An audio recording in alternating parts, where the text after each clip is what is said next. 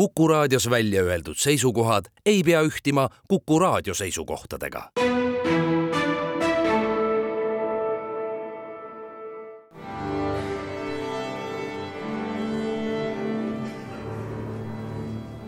daamid ja härrad, Eesti Kontserdi saade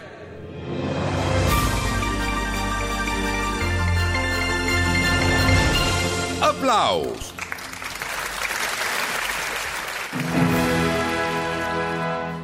Lõpetasime küll nädal tagasi teadmisega, et kohtume uuesti tavapärasel ajal oktoobri alguses, aga elu tegi vahepeal omad korrektuurid ja kontserte on nüüd sellegi nädala lõpul nii palju, millest lihtsalt ei saa rääkimata olla. seega saade on aplaus, mina olen Lauri Aav, tere kõigile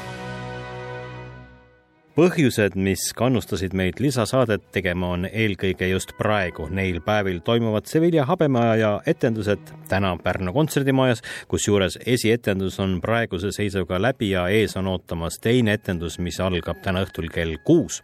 edasi Jõhvis ja siis juba Tallinnas, aga jah, kõigepealt, millega tegu põhineb kõik loomulikult Rossini ooperil Sevilla habemeajaja ja süüdi selles kõiges on kihelkonnalt pärit Ain Anger ja mängime Sevilla habemeajajat on lavastuse nimi. kas see tähendab kuidagi, et päris ooperit nagu polegi? Ain Anger mängime nendes raamides, äh, nendes Rossini kirjutatud ooperi raamides ja juba selle jaoks, et äh, teha teda lühemaks, meie ooper tuleb äh, ühes vaatuses ja umbes tund kakskümmend. et ta on palju lühem kui originaal ja sellepärast on niisugune mängulisust on ka lavastuslikult sees ja, ja kuna ei ole tegu ikka päris originaaliga, siis me ei pretendeeri just nimelt, et selle Eh, Sevilla habemaja päris nimele ja, ja siis kuna siis sellepärast me muutsime ka seda etenduse eh, nime kas te olete jätnud sealt ära üleliigse, toonud selle tänapäeva inimesele arusaadavaks või mis on üldse põhjus, et Rossini kirjutatud eh, ja, ja, ja kunagi lavale toodud hakata tänapäeval muutma? Kindlasti me oleme lausa vägivallatsenud äh, Rossini geniaalse muusika, äh, muusikaga ja seda vägivaldselt välja lõiganud, aga põhjus on ikkagi seda, et pakkuda seda koolidele, pakkuda lastele, pakkuda noortele. Ja sellepärast, sellepärast ta lühendatud on. Ja ka kõik need lõbusad tekstiosad, muusikalised osad, mis on ikka, viivad süžeed edasi ja, ja teevad äh, seda, annavad arusaamist, mis seal toimub, need oleme üritanud äh, sisse jätta, nii et see lugu ikkagi räägib loona.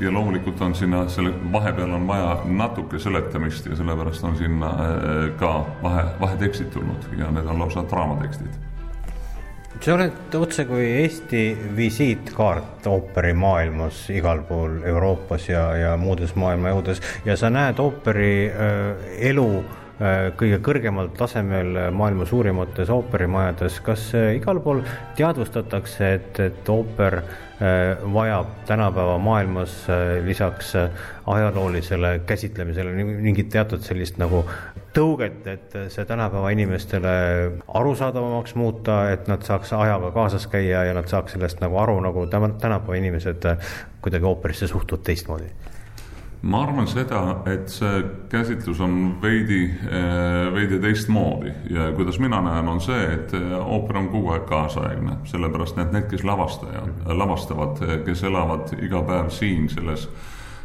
selles ühiskonnas, näevadki maailma teistmoodi ja nad näevad ka ooperit teistmoodi. Et mitte keegi juba ammu ei lavasta ooperit nagu sada aastat tagasi või nagu viiskümmend aastat tagasi, isegi kakskümmend aastat vanad lavastused ei, ei, ei enam ei, ei tekita diskussioone, et see on, see on juba vana ja, ja publik on väga tark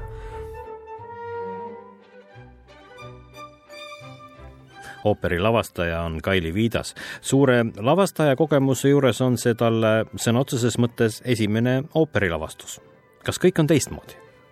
ma ütlen ausalt, et äh, see ooperi lavastamine ma olen ennem ühe korra ainult kergelt nuusutanud sellises farsilikus võtmes seda ja ta on väga huvitav žanr ja seal on palju müüte, mis ei vasta tõele selle lavastamise juures. Et ma olen selle eest võib-olla kõige rohkem üllatunud. mis need müüdid on? no näiteks see, et, et ooperilauljad ei saa paljusid asju teha. ei ole praegu minu selles seltskonnas seal öelnud keegi millelegi ei. et ma läksin küll selle eelarvamusega esimesse proovi, et ma kartsin, et issand jumal, et mida ma üldse tohin teha. ooperilauljad lükkasid mulle mõned videod letti ja näitasid mulle, et ei ole nii, et ooperilaulja ei tee midagi või on siis sattunud mulle selline seltskond praegu sinna proovidesse, kes on hästi koostöövalmis, hästi liikuvad kuigi nad on tunnistanud ka, et nii sportlikku ooperit nad ei ole varem teinud. Rossini puhul on ikkagi see koomika ja see loomulikult on, ta on nii tekstiliselt äh, muusikaline äh, koomika, mis siin on sisse juba kirjutatud.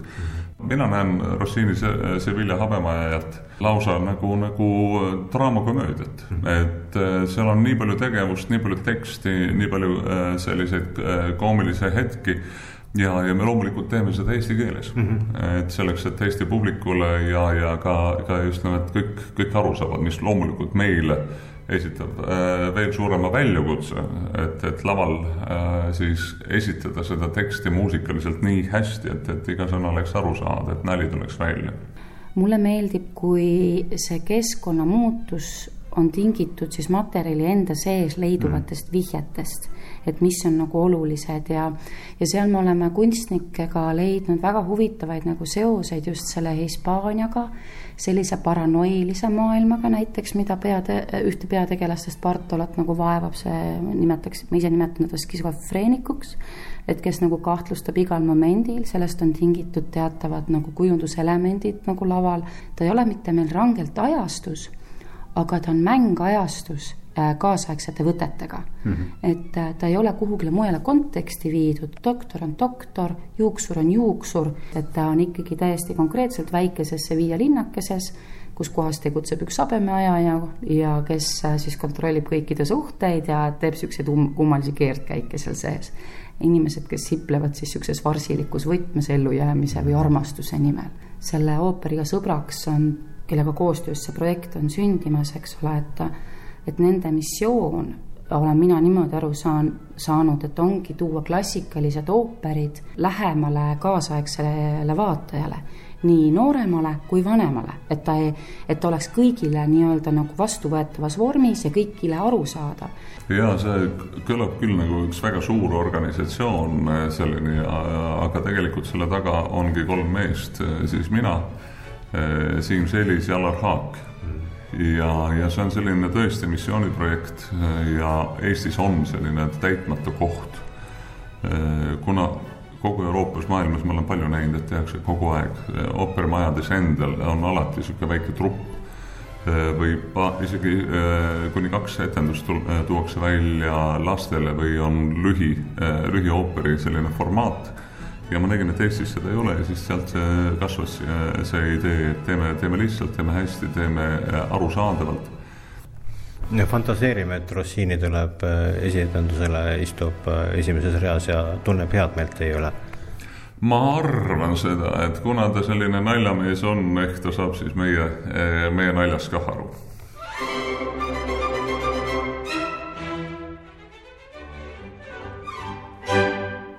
nagu ennist mainisin, on teise etenduseni Pärnu kontserdimajas aega mõned tunnid, kell kuus õhtul see algab ja edasi ollakse juba reedel Jõhvi kontserdimajas kell kaks päeval ja pühapäeval kahe etendusega Estonia kontserdisaalis kell kaksteist ja kell seitseteist null null. Ja see on esimene oktoober ja rahvusvaheline muusikapäev, mida siis veel teha, kui mitte minna Estonia kontserdisaali Sevilla habemajajat vaatama muusika Giacomo Rossini, lavastaja Kaili Viidas, kunstnik Johannes Valdmaa, kostüümikunstnik Kätlin Haak, Pärnu linnaorkestrit juhatab Henri Christopher Aavik ja osades on Dara Savinova, Sandra Laagus, Mehis Tiits, Tamar Nugis, Ain Anger, Pavlo Palakin, Anna-Liisa Pillak ja Peeter Veltman. igavesti tore ja vahva ooperiõhtu tuleb see ja rääkisin Pärnu linnaorkestri mängijatega ja nemad ütlesid, et täitsa raske on pilli mängida, niivõrd palju nalja saab sel laval ja loomulikult pole see ainus, millele sel nädalavahetusel aega kulutada. Tartus Sevilla habemajajat ei mängita, sest seal on samal ajal Tubina festival kolmas juba järjekorras. dirigent Mihhail Kerts on selle festivali kunstiline eestvedaja ja tõepoolest paistab silma see festival sellega, et midagi pole juhuslikku. kõik on läbimõeldud, kus, millal ja miks just sellised kavad ja mida muusikaliselt selle kõigega öelda tahetakse homme Vanemuise kontserdimajas ja reedel Estonia kontserdisaalis avakontsert pealkirjaga Non grata. ERSO-t juhatab Mihhail Kerts ise ja Mihkel Poll on solistiks ja kavas on Pärdi esimene sümfoonia, Rahmaninovi rapsoodia Paganini teemale ja Tubina kaheksas sümfoonia. miks selline kava ja miks üldse selline festival, räägivad nii neljapäeval kui reedel tund enne kontserdi algust Joonas Hellermaa ja Mihhail Kerts ja edasi on kogu nädalavahetuse kontserdid Tartus ja palju põnevat on tulemas Vanemuise sümfooniaorkestri avatud proov gümnasistidele, kus võetakse pulkadeks lahti Tubina seitsmes sümfoonia ja vaadatakse, kuidas Tubina huvi Tobiase muusika vastu on tema sümfooniasse omakorda jõudnud. kontsert vestlusring Joonas Hellermaa ja Jaan Aruga Vabaduse väravas, kus arutatakse, kuidas võiks kõlada Tobiase aegne noor Eesti kirjandusrühmituse juhtmõte tehisintellekti ajastul.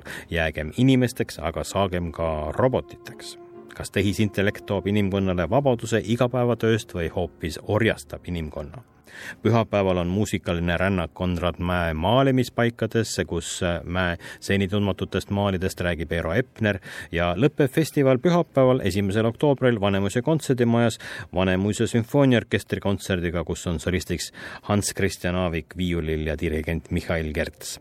ja sinna vahele jääb veel hulk põnevaid kammerkontserte, nii et nädalavahetus Tartus paistab praegu siitpoolt vaadates olema väga tore mõte meie aga kohtume juba nädala pärast ja räägime droonimissast, Rein Rannapi juubelist ja paljust-paljust muust. kõike paremat!